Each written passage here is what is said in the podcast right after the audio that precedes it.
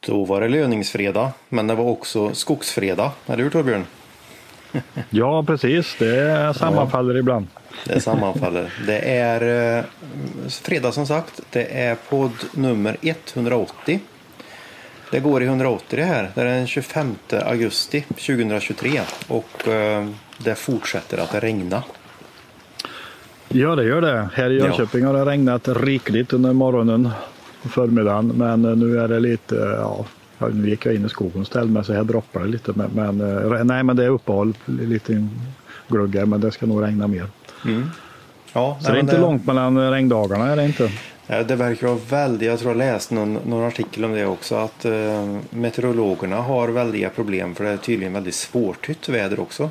Och eh, ja. det fick ju vi eh, erfarenhet av. Vi, vi tittade ju på YR när du var uppe hos mig här nu den här veckan. Och vi skulle ju ha uppehåll när vi gick igenom och gjorde en eh, genomlysning av Lövskogsprojektet. Men det började ju regna där också. Ja, det gjorde det. Oj, oj ursäkta. Prosit. Tack. Det kanske är från regn. regn. Regnallergi. Regnallergi. Han hade nog inte levt i det laget om jag hade haft det. Nej. Men annars är det ju det är inte så många fredagar som vi har haft regn brukar vi konstatera. Inte ens denna sommar när det har regnat väldigt mycket. Men eh, idag är det ju faktiskt en regndag. Ja, ja men det är det. Helt klart, ja. Så är det. Och uh, nej men vi kan väl, uh, ska vi fortsätta lite där vi avslutade förra podden? Vi får väl nästan knyta ihop en liten säck där innan vi går vidare just det här med, med vilt och uh, viltskador, viltbete och sånt där. Ja. Ehm, det, det hade vi lite fokus på när du var här uppe i förrgår. Ja, men vi tittar lite grann på det på, eh, runt, vilt, runt vårat eh, lövskogshägn. Då. Det var kul att se överhuvudtaget växtligheten där inne. Det var ju det är intressant, det, det utkristalliserar sig ju skillnader där nu när man ser liksom efter de fyra växtsäsonger nu i princip som är avklarade då, så ser man ju vad som, vad som går och vad som inte går. Mm. Vi har ju några långväga planter där som, som är långväga provenienser som inte trivs helt klart. Va? Det gäller valnöt och några fler vanliga hästkastanjer vi satt och de, de hittade vi en tror jag. Ja. Uh, och, och det finns ju hästkastanj som lever bra på de breddgraderna så det är väl en proveniensfråga antagligen. Det var väl ja det måste det vara. Jag har ju här i trädgården hästkastanj som ja. är svår att bli av med. Det liksom uh, ja. växer ju så det knakar så det måste ju vara att vi har fått någon konstig proveniens där.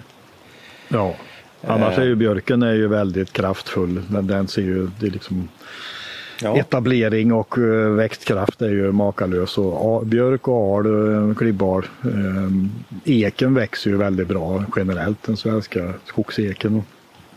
Ja, den, den, den, behöver ju lite tuktning för den, den har den ingen växtlighet runt sig så blir det, växer den på många olika håll. Det blir en sparbanksek även i liten ålder. ja, gör det. Eh, så, rönnarna har vi varit imponerade av. Men sen finns det ju andra träslag som eh, många som växer jättebra så ser man de som inte växer lika bra som har dött. Och ask till exempel är ju en del som har gått ut men de som finns kvar växer ju skitbra nu när har kommit igång. Ja. Körsbär och eh, ja, lite, lite andra träslag som också växer bra. Då. Men det blir intressant att följa. Sen är det ju tydliga sådana här kanske sekundärväxter och lind och avenbok som ja, de trivs inte riktigt i det här liksom eh, fristående plantsituationen de har haft första åren här. Men, ja, men lite så kanske. Men de kanske tar sig när det blir lite mer sällskap runt omkring när, när skogen växer upp. Det blir spännande att följa. Men, men vi är tillbaka till viltet. Vi tittar innanför och utanför stängslet och, och det finns det ju rätt stor variation. På vissa ställen så är det ju extremt stor variation och på vissa ställen så är det ju faktiskt lite viltmat på utsidan också. Men det är ju betat.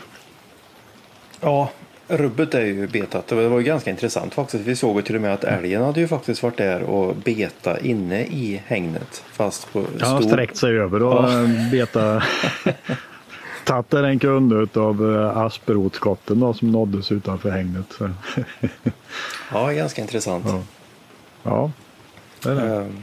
Ja, nej, så det, men eh, det gjorde vi lite video på och lite grejer så det kommer väl både lite bilder, text och kanske någon videosnutt på det där vad det lider. Ja, vi får klippa ihop lite sånt nästa vecka här så, så får vi ut. Sen gjorde jag, jag gjorde en annan, eh, ett annat nedslag eh, jag var in och tittade bestånd på marker som jag känner till som från en sofflocksskog.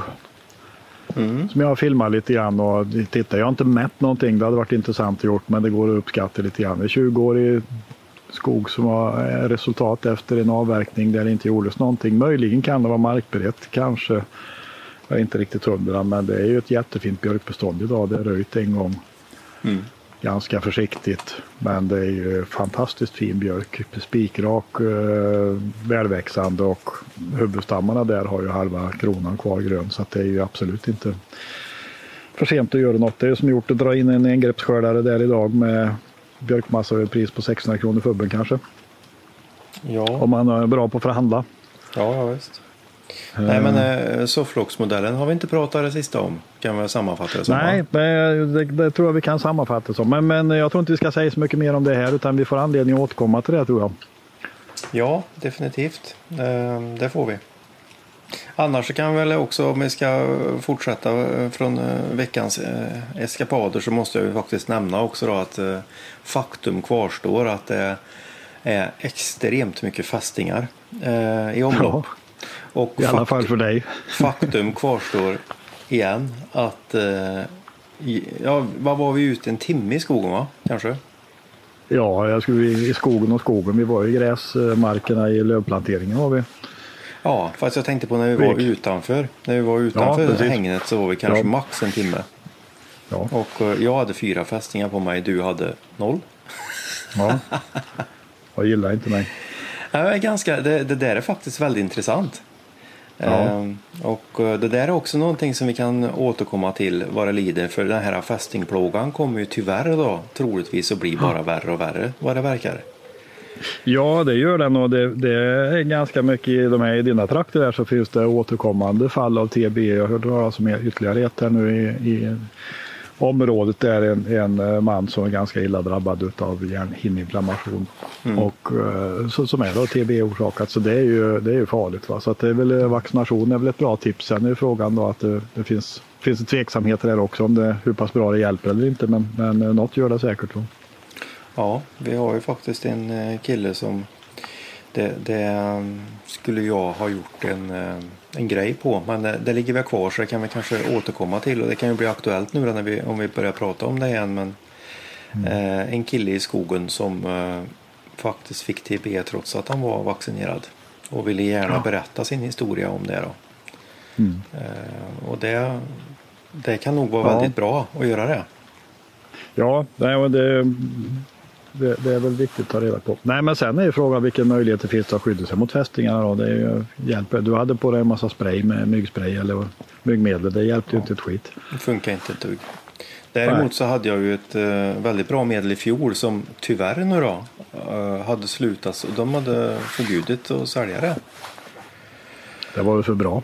Ja, ja, det var nog kanske farligt för något. Ja, någon del, det vet jag inte vad. Men, um, nej, men eh, det här är faktiskt... Det hotar den ett... biologiska mångfalden av fästingar kanske? Ja, eh, men det är ett rejält problem, växande problem. Och, och jag ja. knyter gärna an till, det är ju inte riktigt samma sak, men um, de hade ju någonting som heter Dogtix när vi var i USA. Ja. Och det var ju exponentiellt etter värre. Det var bara det att Dogtix hade ju inga sjukdomar vad de visste. Nej. Men där fick ju till och med du fästingar. Ja, de kröp upp mig också. Jag vet inte om det var som bet sig fast, men de var ju, det var ju mycket. Ja. Det var det extremt mycket. Det var lite så här halvläskigt. Att gå ja, det var lite halvläskigt. Vi, vi åkte ifrån en skog där, kommer jag ihåg. Vi fick ju stanna vid en sån här litet ett sån här litet sanera bilen. Och sanera bilen. Jag tror vi hade en 20 fästingar som kröp runt till bilen. Ja, ja. Ja, det var bedrövligt var det. Ja, det var bedrövligt. Det var, liksom, det var en Hitchcock-variant. ja, det var fåglarna fast med fästingar. Ja, ja, Nej, men du, eh, ska vi lämna lövskogshägnet och fästingarna så ehm, ja.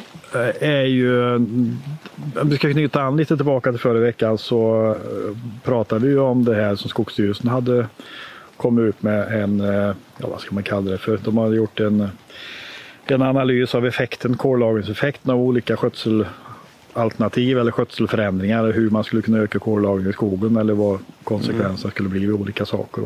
Och, då pratade vi rätt mycket om det och det var ganska intressant och uh, en viktig grej som vi pratade om var just att kunna sänka slutavverknings, eller höja slutavverkningsålder. Förslaget var att höja LSO eller LFO eller vad kallar det för med 30 procent mot nuvarande LOF tror jag de har döpt om det till. LOF sa de Lägsta ja. ålder för föryngringsavverkning eller något sånt kanske betyder då. Ja.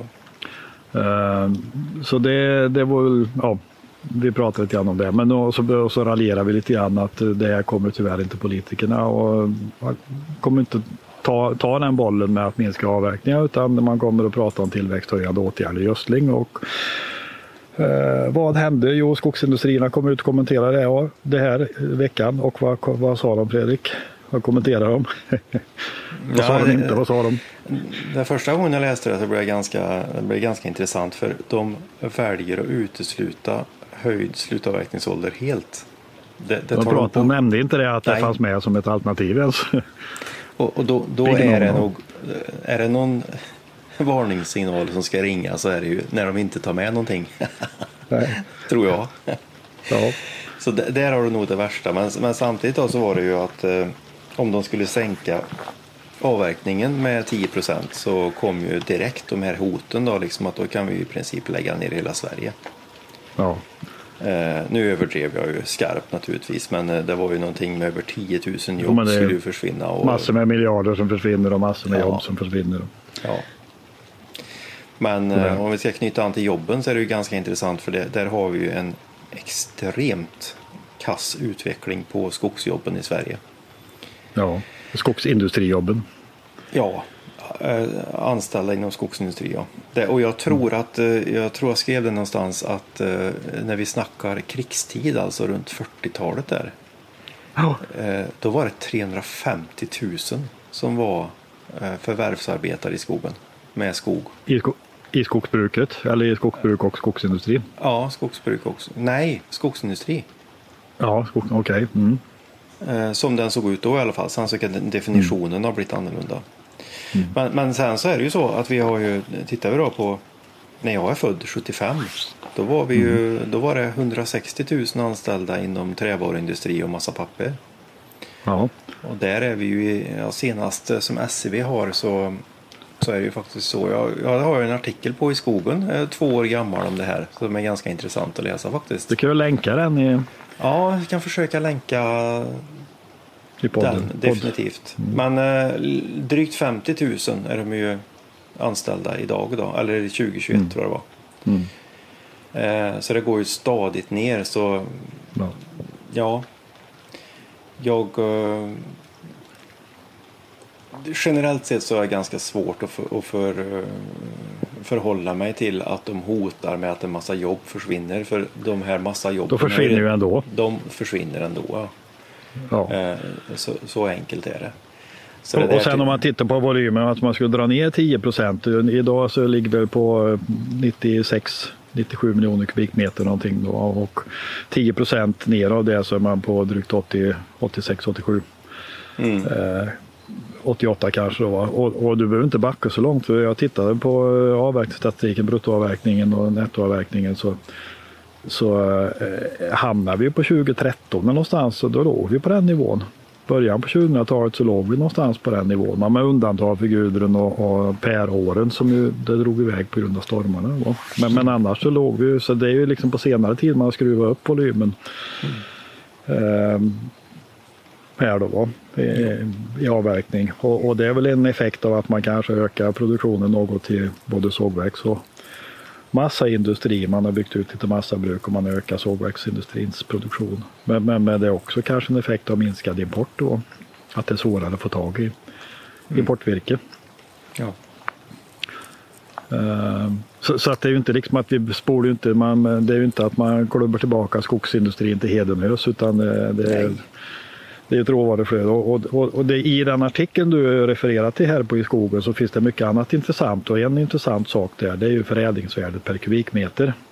Ja, det är ett bra nyckelvärde. För det har ju inte varit någon positiv utveckling där.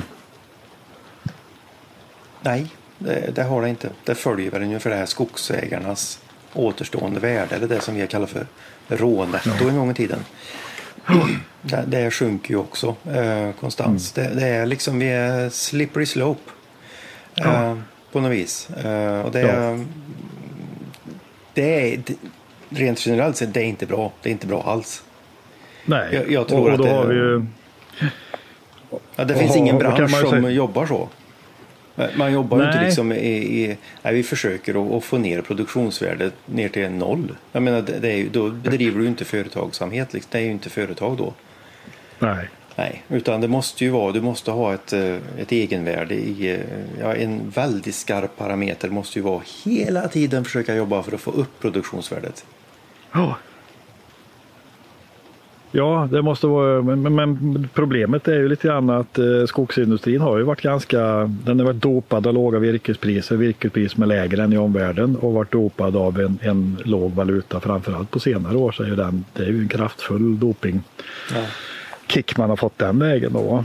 Mm. Eh, och, och den, den kanske håller i sig men det är ju liksom i det här perspektivet, så det, varför vi inte är så bekymrade av att man skulle minska avverkningen med 10 procent till exempel, då, eller att man skulle dra ner avverkningstakten och virkespriset går upp. Eh, det är ju att det, då finns det ju någon slags eh, förhoppning att man kan använda den råvaruresursen på ett mer effektivt och bättre sätt, att få ut ett högre värde av den. Alltså om råvaran mm. blir dyrare, då måste man ju använda den förståndigare. Ja, definitivt. Och, och, då måste man jobba smartare. Då. Ja, och en väldigt viktig sak i det här är att missförstå oss rätt. Ja. I det här. Vi gillar skogsindustrin. Ja, och vi gillar skogsbruk och vi gillar ja. skogsavverkning. Vi är ju inte för att göra Sverige till ett kolsänkereservat. Det är inte det vi pratar om. Nej. Men vi, tyck, vi tycker inte att allt är optimalt superbra idag utan det går att göra mycket saker mycket bättre. Definitivt. Men sen så måste vi leva på en, vi måste leva i en öppen marknad. Det är ju det som är så viktigt. Så när vi pratar kolsänka så, så är det väl mer i den kontexten att skogsägarna, de som vill, måste kunna ges möjligheten. Det ska, ja. inte, liksom, det ska inte lägga, förpassas i något fack där eh, man inte får göra det för, för, att det inte är bra nej. för skogsindustrin. Då, då, är vi ju inne, då är vi inne i någon form av planekonomi i så fall kan ja. jag tycka. Så vi måste ha den här öppenheten, den måste finnas hela tiden för annars kommer vi inte utvecklas, det är jag helt säker på. Ja, och menar man äganderätt på allvar så måste ju varje skogsägare få göra sina egna beslut, liksom ja. hur man vill driva sitt skogsbruk och, och, inte liksom att vissa saker är, är tabu eller förbjudna. Då. Nej. Så, så länge man inte liksom förstör sina resurser på något sätt. Då. Nej, precis. Och på något vis så hänger allting ihop. För jag vet, vi, vi har pratat, vi har inte skrivit om det under veckan, men vi har pratat om det så vi hoppas att det kommer ut. Uh, vi tittar snabbt på det, uh, just det här med antalet brukningsenheter och även antalet skogsägare i Sverige, att det sjunker. Ja. Ja. Och uh, det sjunker alltså, det hänger ihop, det, lite, det sjunker med virkespriset på något vis. Ja. och tittar man då på Finland som vi gärna tar upp ja. vi, får, vi får lite skit ibland för att det finns nog folk som inte tror på oss där riktigt. Men jag menar det, det är ju statistik från Luke som är motsvarande Skogsstyrelsen då Eller är det motsvarande SLU? Ja, naturresurs, nej inte SLU tror jag inte, Naturresursinstitutet eh, eller något sånt där tror jag det heter. Va? Alltså det är väl något eh, liknande, Naturvårdsverk, Skogsstyrelse ihop eller något, ja. någon, någon naturvårds, det är en myndighet, en statlig myndighet är det definitivt. Då. Ja. Eh, men som det... har med ansvar att sammanställa statistik och priser och uppgifter och annat. Ja, men det är relativt orelevant för det är liksom offentlig statistik. Det, kan vi ju enas om i alla fall oavsett ja. vem det är som gör den. Eh, men ja. det som är intressant när man tittar på kurvorna där det är ju liksom att uh, antalet brukningsenheter och antalet skogsägare stiger i Finland. Ja. Med virkespriset. Virkespriset stiger också. Och där har vi det här viktiga med mångfalden. Och här sjunker liksom allting i Sverige. Så det, där finns det någonting att verkligen diskutera och jobba med. Ja. Och jag skulle faktiskt vilja knyta an, för det, här, nu blir det lite ad hoc direkt här, men jag, eh, det fanns en, eh, ett debattinlägg på ATL som jag tror kom idag från eh, vad heter de? Marie Wikberg va? på Mellanskog. Ja, ja, det har jag inte läst. Jag såg att det var någonting, men eh, ja, vad, vad, vad handlar det om? Nej, men hon knyter ju an till det här med att det är alldeles för lite bar, kvinnor. Barbie skogsägare var det? Ja. ja, äger Barbie skog? Frågetecken tror jag heter. Ja, okay. Mm. Eh, och knyter an till det här att det finns för få kvinnor i skogen. Eh, det är liksom ja. en mansdominerad bransch. Och det och, minskar. Ja, och jag, jag håller med om det. Ja. Och jag håller inte med om det eh, utifrån något sånt här eh, PK-korrekt eh, grej. Utan återigen mångfalden. Ja. Svenska skogen, skogsbruket och skogsindustrin skulle må mycket bättre med en ökad mångfald. Jag är helt övertygad om det. Ja. Eh, och, och då har vi liksom bara då, då har vi könsfrågan där men då har vi nästa puck i det här och det här har vi också varit på det är att du har tyvärr då en fastighetsbildningslag i Sverige som gör mm. att eh, du får ju inte ha mindre fastigheter än typ 50 hektar. Du får inte dela upp en eh, fastighet. Nej hur som helst. Och där, det finns också på i skogen faktiskt. Jag ser om man kan länka in det om man hittar det. Men eh, för där, ja. där fanns det ju en studie från, eh, som är gjord av Lunds universitet som skriver rätt upp och ner att fastighetsbildningslagen är alltså underförstått ingenting för skogsägare utan den är konstruerad för att eh, skogsindustrin ska få billigt virke. Jämnt ja. flöde och billigt virke. Samhällskontraktet genomsyrar allt här i Sverige och, och du, ja. du har ju inställningen hos politikerna idag också att uh, rör inte min kubikmeter. Alltså det, och ja. då är det inte skogsägarens kubikmeter utan det är skogsindustrins kubikmeter man har mest fokus på. Och det, ja, det blir det galet. Ja. Men, uh, nej, men vi touchar lite virkespriser här också. Nu kommer ju Ja, det här tycker jag också är intressant. Eh, Ludvig kom med fastighetsprisstatistik under veckan här där man eh, konstatera att priset för sålda och köpta skogsfastigheter eh, förändras lite på ett annat sätt kanske. Att priset fortsätter att stiga upp i norra Sverige. om och då räknar, då räknar ju pris per kubikmeter skogskubikmeter stående virkesförråd är ett mått som mm. används då. Man kan räkna per hektar men de använder ofta kubikmeterpriset då. Mm. Eh, och i södra Sverige så sjunker det eh, nu för första gången egentligen. Då. Det är väl en effekt av räntehöjningar och, och lite tuffare tider. Men i, i några för, stiger det fortfarande. Men det vi reflekterar över det är liksom att nu har man ju någonstans har du kommit till ett läge där du kanske där du kanske där rotpostpriset eh, är högre än fastighetspriset. För så har det inte varit på senare år. Nej. Rotnettot eh, för rotnettot har ju gått upp i Sverige, det är ingen tvekan om det. Och eh, vi raljerar lite grann. Vi tittar på, för nu kom det prisstatistik från Finland och vi tittar på Norge och liksom Sverige, Finland driver upp priset i Sverige men Sverige driver upp virkespriset i Norge för att det är dåligt med virke här i Sverige. Och, ja. Men, Ändå, äh, officiell statistik det fortfarande så att äh, norska timmerpriser var högre än svenska va? Om vi pratar officiell ja, de ligger statistik. nog rätt lika tror jag. Ja. De, de ligger rätt lika, eh, gör de. Men i Finland, tittar man på grantimmerpriset, i Sverige finns det pris på leveransvirke. Då, är, då det ligger enligt Skogsstyrelsen så kommer siffrorna i veckan på 670 kronor fubben mm. i snitt i Sverige. Och i Finland är samma leveransprisvirke i snitt 1176 kronor per fub så att det är ju rejält mycket högre i Finland. Mm. Ja. Nu stiger priserna i Finland fortsätter att stiga. Det som händer i Finland det är ju att eh, de här rotpriserna, för Finland redovisar både leveransvirkespriset, alltså vad skogsägaren får för färdigavverkat virke som levereras iväg, mm. Eh, men också priset som man får om man säljer skogen på rot. Då. Och det har ju mm. varit så på timmerpriser i Finland att du har fått mer betalt för grantimmer som står på rot än vad du har fått om du själv hugger och kör ut det. Ja. Men det har ändrat sig så nu är ju priset högre på leveransvirke för att pris, eh, priset på rot har sjunkit. Då. Men mm. i Norge så gick timmerpriserna upp nu 1 augusti ganska rejält skrev eh, någon tidning här. Och eh, jag vet inte exakt vilket härad de ligger men man tittar på vad de låg innan i juli här då, enligt officiell statistik och vart de hamnar så är de uppe på samma nivå ungefär som i Sverige och det gäller både massaved och timret egentligen då att det, det är den svenska prisnivån som hamnar i Norge också. Ja. Eh, och i Sverige har ju priserna gått upp, framförallt i norra Sverige då, enligt Skogsstyrelsen så har ju massaveden gått upp mycket. Då. Och här, eh, vi pratar ju mycket virkespris, men jag tror en otroligt viktig sak nu det är ju att ta nu för guds skull inte hugg sönder den här bra marknaden för att än så länge så är det ett underskott på virke och så länge det är underskott på virke så kommer det betalas för det på de här nivåerna. Eh, ja, för att det är inte så att svenska priserna är jättehöga utan de, de har kommit upp i nivå med i alla fall i södra Sverige så är man uppe i nivå med, med närmare sig tyska priser och i någon nivå med finska priser kanske då på, på, för den som är bra på att förhandla. Um, och det gör ju att det liksom är frestande att avverka. Men skulle alla gå ut och hugga nu, jag kan tänka mig nästa Danske Bank nyhetsbrev är ut och hugg. Uh, om alla ger sig ut och hugger och uh, så fort minsta lilla överutbud så kommer priset sjunka i källaren. Va? Så håll igen, mm. hugg hälften så mycket som du hade tänkt dig. Ja, det kan ändå... Behåll priset. Du, du kan, du kan göra också. en Sveaskog nästan där. Att du ja, kan ja men det är precis exakt det. Sänk av, ja, men du säger så här då, sänk avverkningen till mellan 70 och 80 procent och bibehåll nettot. Ja. Ät kakan och ha den kvar. Ja, precis. Och 30 procent av veckan blir kvar i skogen men du får ut lika mycket pengar. Ja. Om, om man gör det konsekvent. Då. Ja, definitivt. Ja.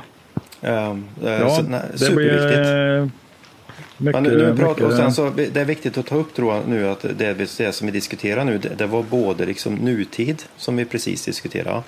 Men sen när vi pratar det med fastighetsbildningslagen och det, då, då är det ju lite mer ett längre projekt. Eh, ja. Så, så där skulle man, eh, jag skulle vilja drista mig till att säga att eh, det hade varit, tror jag, väldigt bra för i princip alla som håller på med skog om vi hade dubblat antalet brukningsenheter fram till 2050. Ja, det skulle vara intressant, eh, ett mm. intressant projekt. Och vilken, vilken landsbygd du skulle kunna få. Vet du. Ja. Istället för att eh, eh, stadsbor idag är rädda nästan för skogen. Ja. Eh, så skulle det kunna bli tvärtom.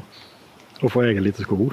Ja, så, och, eh, det skulle ju kunna bara, inte bara det att du har mer folk ute i skogen utan får du mer folk ute i skogen så händer det mer. Det diskuteras mer, man upptäcker mer. Det händer mer. Det kommer upp, det frodas ekonomiskt och, och allting. Du har liksom, har svårt att se det negativa med att ha mindre, eh, och ha mindre eller mer folk på skogen. Nej, nej det, skulle vara, det skulle vara jätteintressant men eh, mm. jag tror att vägen dit är lång. Ja, definitivt. Men Tyvärr, jag tror det, det, är någonting, idag, det är någonting att jobba något med. Att jobba för. Ja, ja något jobba definitivt. För. För det, det, är ju lite som eh, Finlands sak och vår har vi pratat om i krigstider och allting sånt där. Ja. Eh, det är ju lite som att eh, vi kan anamma det nu tvärtom. För ja. de, de gör ju den om, omställningen nu. De ökar antalet brukningsenheter. De blir fler skogsägare. Och virkespriserna går upp. Ja, och det kanske är något för Wickberg och Mellanskog att ta ledartröjan och ta täten här och försöka lobba för detta. Ja, definitivt. Och jag, jag skriver under på fler eh, ja. tjejer i skogen. Definitivt. Det tror ja. jag också är jätte, jättebra. Ja. För det kommer in nya ögon. Som behöver eh, Absolut. tittas på det här. Och jag tror det är jättebra. Det finns säkert de som eh, inte tycker som jag. Men man får tycka som man vill. Och det kan vi diskutera vidare på Skogsforum i så fall. Det kan vi göra. Det brukar vara intressanta ämnen att diskutera. De brukar, ja, brukar ju vara intensiva. Nej, men jag, jag håller med dig fullt ut. Jag tror att all form av eh, diversitet och, och bredd är ju, är ju positivt. Va? Mm. Istället för att om man kokar ner alltihop till för snäva cirklar så är inte det alltid optimalt. Nej, ja, men visst. Ja. Det, det, är ganska enkelt. Dra det till förlängningen egentligen. Om om man nu, det kanske är det är naturligtvis en utopi åt alla håll och kanter men, men om vi nu blir färre och färre skogsägare och färre och färre brukningsenheter. Dra ner det till mm. att det skulle vara en skogsägare i Sverige. Hur skulle det se ut då? Ja, hur skulle det vara? Ja, men Nej, det funkar ju inte. Ja, det funkar ju inte för det finns ju det, hela resan ner mot en där så finns det ju försämrade effekter hela vägen. Ja, visst. Mm. Så jag tror Nej, att vi, vi, vi, ska inte vara, eh, vi ska inte vara rädda för det här tror jag. Definitivt vi, inte. Får, vi får lobba lite för det här och se vad vi kan, eh, vad de säger, man spottar på en sten tillräckligt mycket så blir den blöt till slut. Ja, Ja, jag, tror, jag tror det är det här med fastighetsbildningslagen. Ta bort en nolla på att, eh, att en fastighet måste, måste producera 250 skogskubikmeter per hektar och år. Ja, ja. Ta bort en nolla där på den fastighetsbildningslagen och ge möjligheter. För jag är helt övertygad om att det finns skogsägare, storskogsägare som, som uh, skulle se det ekonomiska fördelen att kunna stycka av mindre fastigheter och sälja. Som kanske till och med... Ser du nackhåren reser sig på skogsindustrins företrädare nu men uh, de hinner väl lägga sig innan nästa vecka. Vi har, vi. vi har klarat av våran skogsfredag idag och nästa gång vi pratar på fredag så är det september då? Nej. Nej, det är sista augusti Nej. tror jag. Ja, det kanske är. Ja, men vi får önska alla en trevlig helg i alla fall. Det gör vi så hörs vi nästa fredag. Hej då! Mm. Hej!